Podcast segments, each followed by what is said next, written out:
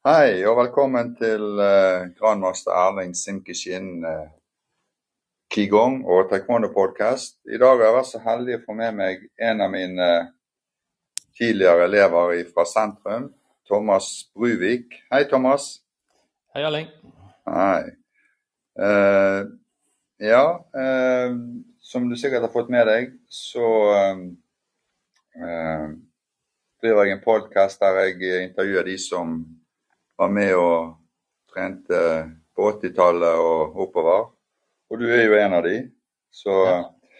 eh, det har vært veldig kjekt å få høre din historie og litt sånt. Eh, så jeg kan jo bare gå rett på sak. Eh, hva var det som fikk deg til å starte med taekwondo, Thomas? Ja, Det er jo ganske enkelt. Det er generasjon Bruce Lee. ja, ja. Vi eh, var jo egentlig ganske aktive med fotball. Men så så vi de Bruce Lee-filmene. Når, når, når, filmen var ferdig, så var de ute og begynte å sparke. Mm. Så hadde jeg en nabo som drev med taekwondo, og en venn ut av meg i klassen som, hvor vi drev og snakket litt om at kanskje vi skulle begynne å trene på si. Mm. Så en dag etter jeg kom jeg fra fotballtrening, så kom han løpende ned og sa Thomas, Thomas, her er det bare å bli med. Og da var det, en, da var det en oppvisning da, som skulle være i, i Bergen. Ja. Så vi dro inn og så på det. Eh, og det var skal jeg si, litt morsomt. Det var en utrolig enkel oppvisning. Det var Young, som det het den gang, istedenfor pomse. Ja. Og så var det litt, litt, basic grunnteknikker, men det var noe som falt på plass. Ja. Det var sidespark. Det var Bruce Lee-teknikkene. Så jeg Mm. begynte å trene på neste trening. ja. Og, jeg hvor var dette da, Thomas? Jeg Husker ikke klubbnavnet. Det var under, under Tien. 84-85. Vi treningen var på St. Paul skole. Ja. Og den gang da så kom det vel nesten taekwondo-klubb kommer til under samme paraplyen på et litt senere tidspunkt. Mm. Og det holdt jeg på med en stund. Og så fikk vi nye treningstider på fotballen, Ja. som eh, var Åsane som egentlig gjorde det veldig bra på aldersbestemte. Så jeg valgte å fortsette med fotball. Eh, Mm. Kom i kontakt med en på skolen som trente karate. Så vi satt og ja, litt sånn garasjetrening. ja. Eh, Han kjente Terje litt, så da ble det litt sånn eh, sommertrening eh, i hagen til Terje. og ja, Terje hvem? Terje Askeland. Ja. Ja. Og så ble jeg litt, etter hvert ble jeg litt, litt lei fotball. ja. Og så fortsatt begynte jeg i sentrum der i 86-87. rundt der. Ja, for jeg husker faktisk Jeg tror det var Terje som tok deg med, det husker jeg faktisk. Du var ikke, du var ikke så gamle karen nå, egentlig. Nei, jeg var vel en 10-11 da jeg begynte sånn i første omgang Mm. eh, under, eh, i den andre klubben. Så det, nei, jeg var ikke gammel. Men eh, jeg husker en av de, jeg har ikke vært der veldig lenge når jeg var med og så på, på var det 87 eller et eller annet, et mesterskap. Ja. eh, hvor du var med. Så, etter mesterskapet så hadde man forsiden i VG. I hvert fall Mm. forsiden ut av sportsavdelingen. For det var to stykker som knocka ned. Du sto på den ene ut av de, husker jeg. Ja. Og neste Muligens skulle jeg vært skremt, men neste mesterskap så stilte jeg opp, da. ja. ja. Så, Nei, det her eh, Men, eh, men eh, eh, når du begynte, da, så begynte du som sagt i sentrum. Da når du liksom begynte for fullt igjen.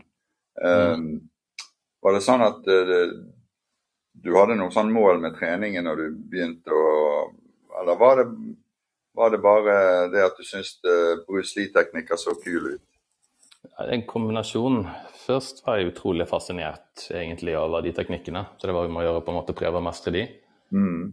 Eh, Også etter hvert som på en måte man fikk det til, i hvert fall i økende grad, så har man i taekwondo så har man et gradssystem. Eh, svart belte ble tema. Det var ikke Ja. Det å få svart belte Det var ikke alle bak den gang da som fikk det svarte beltet. Jeg husker det var veldig mange som ble gående med svart stripe. Mm. Det å på en måte få det svarte beltet ble et tema. Ja. Så begynte jeg med idrett. Biten ut av det. Jeg begynte å gå kamper. Og da var det jo selvfølgelig å vinne mesterskapet og vinne neste mesterskap og hele tiden på en måte vinne større mesterskap, da. Så ble Ja. egentlig mål. Men eh, var det noe sånn du merket eh, når du eh, Jeg vet jo det at du var jo Du ble jo veldig, veldig flink. Men når du begynte, var det noe sånn at du eh, Du vant jo ikke de første kampene, regner jeg med, for å si det sånn. Så Nei, nei da. Det, det gikk ganske fort, men nei, jeg vant ikke de første kampene. Det gjorde jeg ikke. Nei. Det, det bør bare mangle. ja. Vi kom jo fra sentrum den gangen. Da var jo en toppklubb, rett og slett. Det var veldig mange flinke utøvere. Så det å på en måte komme gjennom og få lov til å konkurrere fra sentrum var en greie, det også. Ja. Så ja. vi var jo, jeg kan jo si sentrum den gang da, helt sikkert fremdeles, jeg har vært ute, ute av dette lenge. Men det var jo en, det vi kaller for en tradisjonell klubb. ja. Vi trente hele spekteret. Det var mye fokus på grunnteknikker, det var mye fokus på mønster. Ja. Hvis det var kamp på de ordinære treningene, så var det kanskje de siste 15-20 minuttene. Mm. Så når vi på en måte dro over fjellet, de fleste mesterskapene var jo på østlandsområdet, så Ja. møtte vi jo folk som, hvor kanskje den brøken var stilet litt annerledes. da. Nå har jeg jo trent både i Tøyen og Grorud, så jeg vet jo det at de også trener hele spekteret der. Ja. Selv om enkelte mener at de ikke gjør det, men det, det gjør de faktisk. Men Ja. det var kanskje litt Brøken var snudd litt rundt, da. Ja. I forhold til det vi trente i, i sentrum. Så vi gjorde en del tradisjonelle teknikker, rundspark med strak fot, en del sånne ting. Og det, det hadde man på en måte gått vekk fra andre steder. da. Ja. Nei, da, for jeg, jeg, jeg um, um, Når jeg tenker litt sånn tilbake igjen, jeg òg, så var jo det det var jo veldig tradisjonelt. Og så var det egentlig sånn Det var jo egentlig enkle kampteknikker vi gikk på den tiden der. Men når vi begynte å bli gode som klubb, og du var en av de som var med og ble flink, så trente vi vel litt mer eh, egne kamptreninger, tror jeg. Så vi, Ja, det, ja. det, ble, det ble jo det etter hvert. Mm. Eh, Og det vi må huske tilbake da, var at da hadde vi mesterskap sammen med ITF. Så vi, Mm. jo, vi gikk jo kamp i Norge eh, med sånne kickboksingsko. Mm. Det gikk man ikke med når du kom utenfor Norge. Så vi hadde jo en hemsko en god stund da. Vi Ja. hadde, det var vel en sånn blanding av lettkontakt og semikontakt med kickboksingsko i Norge, mens det var full kontakt uten Ja. med en gang man på en måte gikk, eh, gikk internasjonalt. Ja, og du, du kom jo så langt at du egentlig kom på landslaget òg, du, og fikk reist litt rundt. eh. Ja da, jeg kom på landslaget i 89, så jeg var, var egentlig i kjernegruppen til landslaget siden. Ja, Så vi eh, har vært med på VM og EM og internasjonale mesterskap. ja. Så du, eh, du har egentlig fått eh, eh, hva skal si, Du har vært med på det som alle, mange drømmer om, på en måte. og ja. Ja, Vi vi, var jo, vi var jo litt tidlig ute. Vi, jeg husker jeg tror en av de siste møtene jeg var på regi som på en måte utøver, det var vel et møte med Olympiatoppen. Hvor Mm. man begynte å etablere kontakt mellom partene. Så vi var vel den generasjonen hvor det på en måte var veldig tøft å få tak i kapital. Jeg husker vi til VM i 93 i Madison Square Garden i New York, Mm. så hadde verken landslaget, kretsen eller klubben penger til å sende meg. Nei. Og da kom vi i kontakt. Husker du stilte opp? Vi kom i kontakt med han, var det Jan i Smørbrødsentralen? Ja, stemmer det. Yes, han stilte opp. Og så skal vi få gi litt sånn tilbake, da, så malte vi en av disse bodene hans. Ja. Så det var, det var liksom nivået den gang da, da. Ja, ja da, vi hadde jo eh, Sentrum var jo egentlig ganske tidlig ute med, med eh, å prøve å få til noe internasjonalt. Vi arrangerte noe som het eh, Det begynte vel med, med Bergen Open, og så ble det Norway Open. Mm. Uh, og du var jo en, Da var jo det din glanstid, egentlig, syns jeg. For uh, Ja, jeg tror jeg vant en av de. Det var pengepremie på det, ikke det? Det var tidlig ute med det. Ja. Jo da.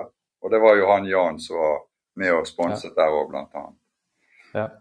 Så eh, Nei, for jeg, jeg, er har, jeg har jo sagt til mange uh, senere, Thomas, at jeg syns det at uh, du er faktisk en av de som har vært best, en av de beste i Norge. altså på Det var helt utrolig hvor flink du ble med, med kamp. altså. Så det, det, det var veldig kjekt å følge deg. Så det, det er hyggelig å høre. Det blir, hva skal jeg si for noe? Det blir jo en liten lidenskap, ikke sant. Vi En ting var at vi trente mye, det er jo greit. Men man, når man ikke var fysisk trening, så trente man i hodet. Så det ble jo mye visualisering. mm, Jeg husker vi vi var noen av oss på landslaget som hvis vi ble introdusert for ny teknikk, så Mm. begynte hodene våre å spinne med en gang. mm, Og da prøvde vi på en måte å finne nye sammenhenger og nye kontekster hvor vi kunne bruke den teknikken. ja. Og oppsiden ut av det er når du faktisk gikk en kamp, så kom du ja, I alle fall de tilfellene hvor du lykkes med det, så kom du i sonen. ja. Og da gikk ting av seg selv. Så var det underbevisstheten som på en måte jobbet for deg. ikke sant? Og da innimellom så kom du med de teknikkene som var liksom tatt ut av sammenhengen. ja. Jeg trente på den for liksom ett og et halvt år siden, litt grann, og så plutselig så bare satt den. ja. Så det, det blir jo litt sånn altomfattende en stund, da. Det må jeg si. Men eh, eh, Thomas, du nevnte det at du drev jo egentlig med fotball. Det var det som var lidenskapen din sant, til å begynne med. Du, eh, når du begynte å trene taekwondo, så det er jo egentlig en helt annen eh, kroppsbruk og muskelbruk, egentlig. Så drev du med noe annen sånn alternativ trening for å jeg kan ikke si utenom selve taekwondoen for å få både styrke og kondisjon og sånne ting, eller? Ja, det ble jo Det er jo de to standardtingene som man egentlig trener. Man løper litt, og så blir det styrketrening. Og så i tillegg så satt man jo tøyde litt hjemme. Mm. prøve på en måte å bli litt mykere. Ja. Jeg husker jeg hadde et opplegg som fungerte veldig bra for meg. Det var Jeg skrev treningsdagbok gjennom Mm. mesterskapene. Så jeg hadde, ga meg selv en karakter, et terningskast, på hver trening opp mot mesterskapet. Mm. En av de tingene som alltid la inn for mesterskapet, var bakkeintervaller. Ja. Da er vi sånn på spynivå, altså. Ja, ja. Det som var det fine med det, var egentlig når du var på mesterskapet og eh, du var sliten. Vi hadde jo taekwondo så alle kampene på én dag. ja. Så når du kommer til finalen, så har du vondt i kroppen. Du har vondt i anklet, du har vondt i lårene. Du, du har, det har vært en Mm. tøff dag. Mm. Men når du på en måte da var sliten og kunne sitte og ja, Du bare begynte liksom å tenke tilbake på treningene som du hadde hatt før mesterskapet, så hentet du på en måte en liten sånn urkraft. Så du klarte på en måte å gi litt ekstra, da. ja.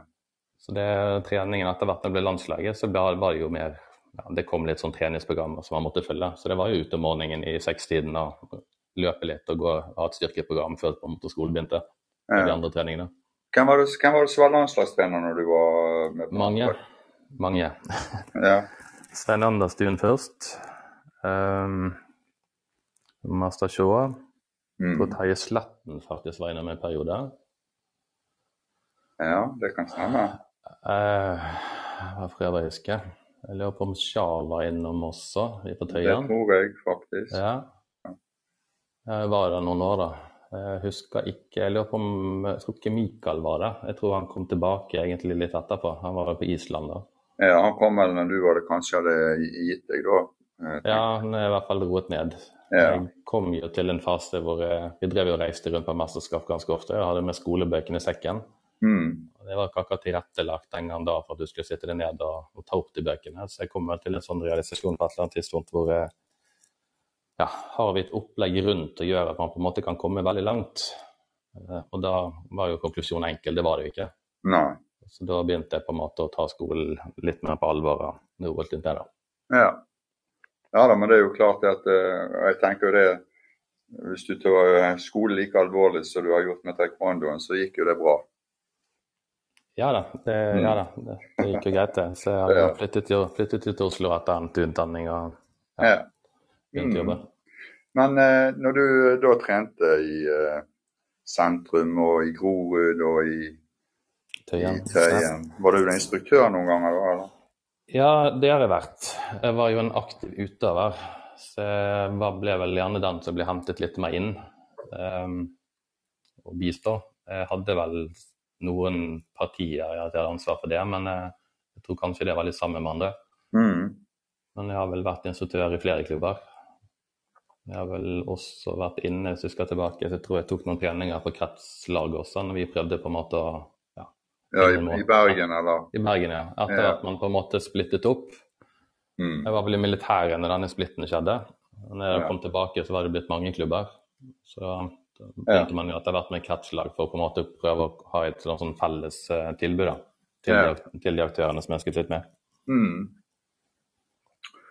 Eh, nå har jo ikke du eh, eh, Du har vært litt ute av det, da, men eh, du sa jo det at du, du eh, Når vi snakket sammen i sted, at du prøvde å gjøre et litt sånn comeback sånn konkurransemessig. Ja. Men hva var det som trigget det, da? Nei, jeg, jeg begynte å høre rykter om at man begynte med veteranklasser. Mm. Dette er jo full kontakt. Når man når en viss alder, så har man ikke lov å stille lenger. Nei.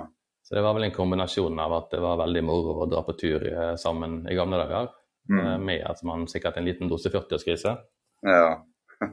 Så jeg begynte å ja, jeg begynte egentlig å få litt lyst. Jeg drev jo og trente litt grann styrke og litt andre ting. Så begynte jeg liksom å få litt sånn bug igjen for taekwondo. Mm. Eh, Og begynte å trene først i, litt på si i en klubb i, i Oslo-området. Og så kom jeg på en måte litt inn i det igjen, og da tok jeg startet en Facebook-konto. Eh, De som kjenner meg, vet at det er ikke noe jeg normalt sett er på. Nei. Men det var egentlig bare for å nå ut med gamle kjente. Og da var det noen av de som drev med litt trening. Så vi samlet oss og fikk eh, trene etter at landslaget da var ferdig med å trene. Så fikk vi på en måte låne lokalet videre. da. Vi Mm. trente litt sammen der. Mm. Eh, Og så var det vel Grorud på det tidspunktet som egentlig to, hadde tatt over litt den rollen som Tøyen hadde i gamle dager. Så da drev vi og trente litt med de. Ja.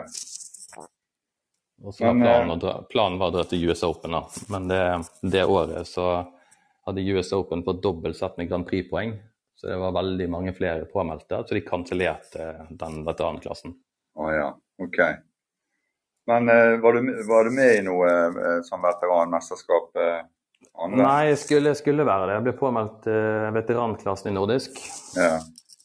Så ble veteranklassen kansellert, og da, da stoppet jeg å slanke meg, selvfølgelig. Ja, ja. Og så fikk jeg høre at jeg var påmeldt til seniorklassen istedenfor. Så da måtte jeg kaste meg rundt på kort varsel. da. ja. Det var Ja.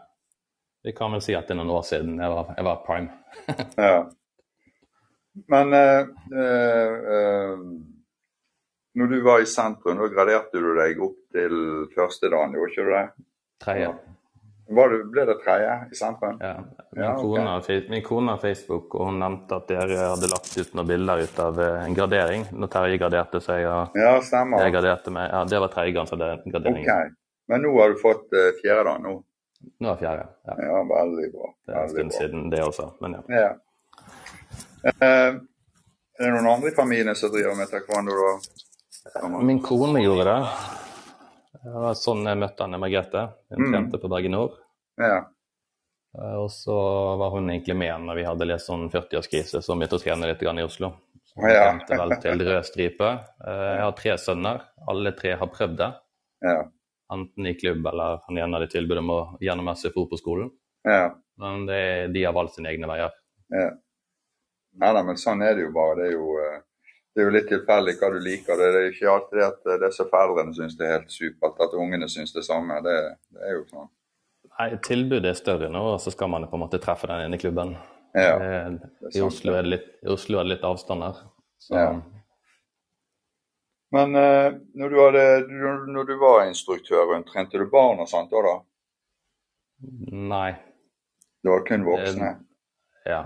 Ungdom, ungdom Ja. voksne. Det er mulig at jeg var innom liksom, og tok en barnetrening uten at jeg husker det, men jeg hadde ikke noe ansvar for noe barneparti. Ja. Men når du hadde trening, når du trente andre, Thomas, var det sånn at du eh, Lærte du noe av å være instruktør? Ja. ehm, Som du f.eks. kunne bruke eh, utenom å være i treningssalen? ja, det viktigste er vel egentlig at folk tar til seg informasjon forskjellig. Mm.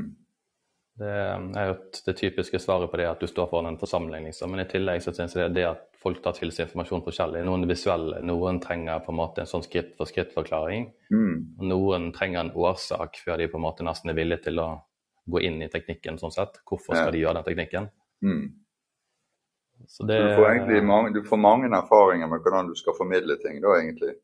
Absolutt. Ja. Og så er det på en måte viktig at uh, du kan ikke ta det for gitt at den meldingen som du har kommet med, er blitt oppfattet sånn som du mente den skulle fanges opp. da.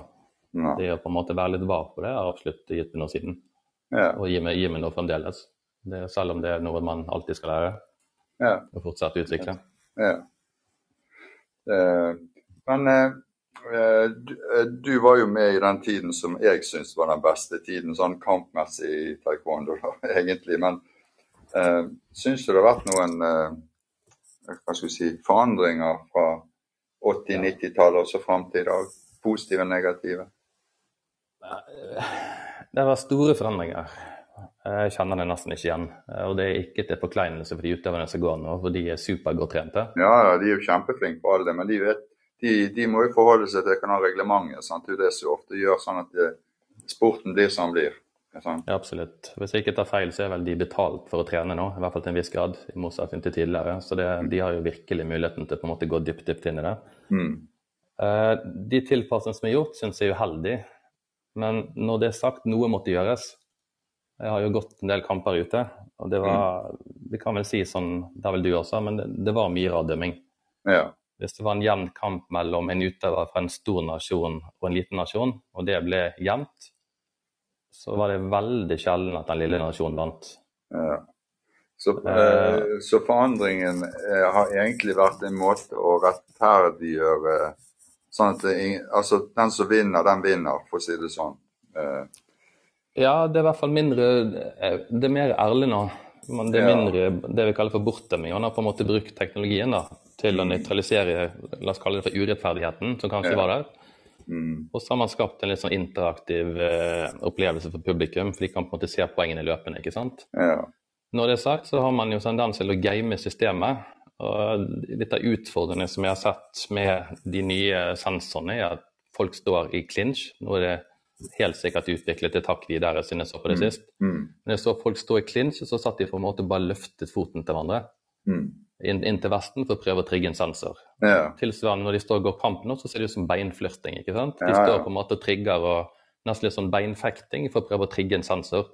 I gamle dager så gjaldt det Det var ikke nok at du traff, du måtte sjokke motstanderen for å få poenget. Ja, ja, det er det at nå er ikke det hva skal vi si, det er ikke, det er ikke den kraften. og Sånn skademessig så er det kanskje, kan jo det være eh, greit, da, for dette ble vel kanskje en del eh, Noen ganger alvorlige skader òg, det, det, ble, det gikk ganske hardt for seg. Men ja, så det er ikke så lett det der. eh, Men jeg, jeg syns jo det at eh, å se på så ikke det er noe kjekt, eh, egentlig. Nei, det er, det er egentlig ganske enkelt. Det er lett for oss å si at alt var bedre før. Men hvis du går inn og ser på OL 88, VM 93 eller en eller annen YouTube-video fra den perioden på internasjonale mesterskap, er Kukon Yongo-kamp, Mm. det er jo gøy. Ja. Altså, jeg må bare si at jeg får ikke det samme ut av eh, mesterskap nå. Nei, jeg jeg har, jeg har egentlig sluttet å følge med. Noen ganger går jeg inn på YouTube bare for å på en måte være litt sånn orientert, men eh, Ja. Ja. Mm. Uh, når, du, når du har si, konkurrert så mye som du har, for du har jo konkurrert ganske mye, Eller, har du noen sånn eh, eh, innspill i forhold til det at du med skader og forebygging til skader. altså for det du, du vet jo hva som venter deg i en kamp. eh, for å si det sånn. Er det noe sånn, Hva som skal til for at du skal unngå å bli skadet? Er det trene på de rette tingene, eller er det rett og slett å trene nok? nei, kombinasjon. Mm. Um, jeg har vært heldig. Jeg har egentlig vært ganske skadefri. Men eh, hvis jeg skal gi tips, da, så er det jo egentlig en Hvis noen andre havner i samme situasjon som meg, at jeg har lyst til å begynne å trene igjen etter et ganske langt eh, avbrekk, så må det være å på en måte trene ganske mye støttemuskulatur. Ja. Når jeg begynte å trene igjen i Grorud og gikk mot de som var halvparten av min alder, eh, og de visste at jeg en eller annen gang i tiden på en måte hadde gjort det greit på noen mesterskap, så skulle de Det er jo sånn det blir i konkurranser. Skal de vise seg, så skal de vise seg, ikke sant. ja. Når det var sånne gamle sås oss, så det vi har, er jo muskelminne. Mm. Så jeg hadde jo, Alle teknikkene satt jo. Det er selvfølgelig tregere enn de gjorde i gamle dager, men jeg fikk jo undergjelde når jeg satt i bilen på vei hjem, for jeg hadde jo grisevondt i ryggen. Så det, Ja. det, jeg var jo OK kondis, jeg hadde OK styrke, men det var litt den, all den støttemuskulaturen som du på en måte er avhengig av som aktiv utøver, Ja. den, den var jo ikke der lenger. Så jeg tror kanskje ja, bruk litt tid på det, da. ja. Ehm, det som òg er litt sånn forandringer nå, Thomas, i forhold til når du begynte og jeg begynte, så når vi begynte, så var det veldig mange voksne som begynte å trene. Nå er det mye barn. Eh, har du noen eh, idé om hva som skal til for at du skal få voksne til å begynne å trene med taekwondo, f.eks.? Ja, jeg har så sagt, jeg har vært ute av dette en stund. Men jeg har fått med meg at dette er blitt nesten litt sånn skal jeg si, litt sånn amerikanisert. Og jeg har jo kollegaer som, hvor barna trener taekwondo. Mm. Nei, eh, hvis man har mulighet til det, tenker jeg. Hvis Foreldrene må jo være der og se barna trene stort sett uansett. Ja. Så Hvis man har mulighet til det med på en måte kunne splitte sal eller ha to ulike rom, det er kanskje det beste. Mm. Så kunne på en måte foreldrene gjort noe fornuftig mens, eh, mens hoden trente likevel. ja. Uh, utover det så er det vel Voksne er én ting, men hvis du tenker ungdom som har så mye å velge mellom, så er det vel kanskje blitt en liten sånn image-ting. Det er MMA som er det kule nå. Det er, Ja da, det er ikke taekwondo. Det er, liksom, det er barn som trener taekwondo, ikke sant? Ja. Så jeg håper på at det kommer en ny som Bruce Lee-periode, da, muligens, for, ja. for å få en del av en del av i hvert fall ungdommene til å trene igjen. Ja. Men eh, jeg må jo si for min egen del også, så har jeg vært inne på tanken om jeg skulle ta opp kampsport igjen. Mm. Og det er jo litt lettere å sette i gang med f.eks. Krav Maga enn å sette i gang med taekwondo, som krever en del mer ut av det som en voksen utøver. ja. Det er sant. Men det eh, viktigste er vel egentlig for de som er voksne og trener nå, at de bare fortsetter med det. For da slipper man på en måte å måtte trene, trene opp igjen støttemuskulaturen og mm. mykheten og det, det som Ja. trengs. da. Men det er jo litt greit det som du sier, at uh, når du begynte igjen, så hadde du alle bevegelsene og teknikkene. Det er bare en datamaskin. det der vet du, oppi hodet. Det, det. Når du først har lært det, så, så går ikke så lang tid før du har det i ryggmagen igjen. Nei da, man husket jo gradvis mer. Mm. Selvfølgelig så hadde man ikke støttemuskulatur, men hadde ikke samme snerten i teknikkene som man hadde før. Men det, Mm. det, lå, jo, det lå jo i minnet. Ja. Eh, du, eh, du hadde jo en del mesterskap opp igjennom. Hadde ikke du både NM og Husker du hva du har, hva du har som mesterskap, sånn sett, etter noenlunde? Du har noen? Ja da, jeg tror at jeg har syv norgescuper sammenlagt. Ja, Og da. Det var vel tre norgescuper i hver sesong, og det, det meste gikk på en måte min vei. Mm. Jeg tror jeg har syv NM-gull. Jeg har nordisk, jeg har Danish Open, og jeg har noen med internasjonale medaljer utover det. Ja. Jeg var litt på feil side. Jeg hadde en eh, Han som nå han i hvert fall var tysk landslagstrener, Aziz, Mm. veldig veldig flink utøver. Mm. Jeg hadde en tendens til å møte han i kvartfinalen. Å ja. Og da ble det 3-3. Eh, han vant, det er helt greit. Jeg skal ikke påberope meg sånn at David mot Goliat, altså. Men det var, noen kamper syns jeg det var jevnere enn andre. ja. Jeg møtte han i VM i 93, og da hadde Hvis det vi hørte var stemmer, så hadde de koreanske, land- nei, tyske landslaget vært i Korea i seks måneder Mm. før de kom til, til VM. Det var en litt annerledes oppkjøring enn vi hadde i Norge. Eh, Da var han i kjempegod form. Tapte 6-3. Han fikk VM-bronse da, og så ble han verdensmester gangen etterpå. Ja. ja Så- det, nei da, men det er i hvert fall utrolig bra. Jeg vil bare si, Thomas, du er faktisk en av de som jeg syns har vært en av de beste eh, kamputøverne jeg har visst om. Det er helt fant du hadde sånn kontroll at det var helt fantastisk å se på. Jo da, det- vi, vi, var jo, vi var jo et stykke unna. Jeg husker, ja. jeg hadde vel egentlig gitt meg, så tror jeg Mikael tok, tok kontakt. For det var, hadde han hentet Josef Salim opp Ja. til å være trener, som var med på det. da. Vi kan vel si at eh, det- den lille ekstra, den lille biten, de siste 10 prosentene, det krever enormt opplegg og trening. Mm. Og der Vi hadde mange flinke utøvere på landslaget i Norge den Mm. gangen da. Ja. Erik, Olav med flere, som gjorde Ja. det gikk noen fantastiske kamper i utlandet. Ja. Og så var det liksom de der lille få prosentene. ikke sant? Man, man var kanskje jevn på poeng, da, men det var likevel Det var litt sånn stang ut da, på en måte noen ganger. ja, litt stang ut. Men den, for at det skulle bli stang inn, så hadde det på en måte krevd veldig, veldig mye, tror jeg. Ja. Men, det, ja. det var en moro tid. Vi var jo mye på tur. så det var, I sentrum var det jo et kjempemiljø. Så det var jo Ja. Husker vi dro over der og var seks stykker fra Bergen som gikk kamp mot en østlending. Og selvfølgelig siden de fleste mesterskapene var på Østlandet, så var det gjerne 30 stykker som sto og heiet på, eh, på poden der borte. Det var ingen Ja. tvil om hvem man hørte. Kom an igjen, Erling! Ja, ja. ja. Det var en kjekk tid å tenke tilbake på, det er helt sant. Absolutt. Men eh, hvis du hadde vært eh, ung igjen i dag, Thomas, har du begynt med taekwondo igjen, tror du? Eller kampsport? si. Ja, kampsport hadde jeg nok begynt på, tror jeg. Ja. Eh, For det var, det var eh, tilfeldig at du begynte taekwondo- med taekwondo? Ja, egentlig. det var tilfeldig den gang da, men Mm. eh, det var jo det som på en måte var nærmest Bruce Lee. Ja. Og hvis det er riktig det jeg har hørt i etterkant, så lærte jo Bruce Lee disse taekwondo-sparkene. Lærte jo han av Chuck Norris, som var i militæret i Sør-Korea. Ja. ja. Nei, det, det er vanskelig å si. Det er veldig mye å velge mellom. Fokuset nå er jo mye på MMA og den slags. ja.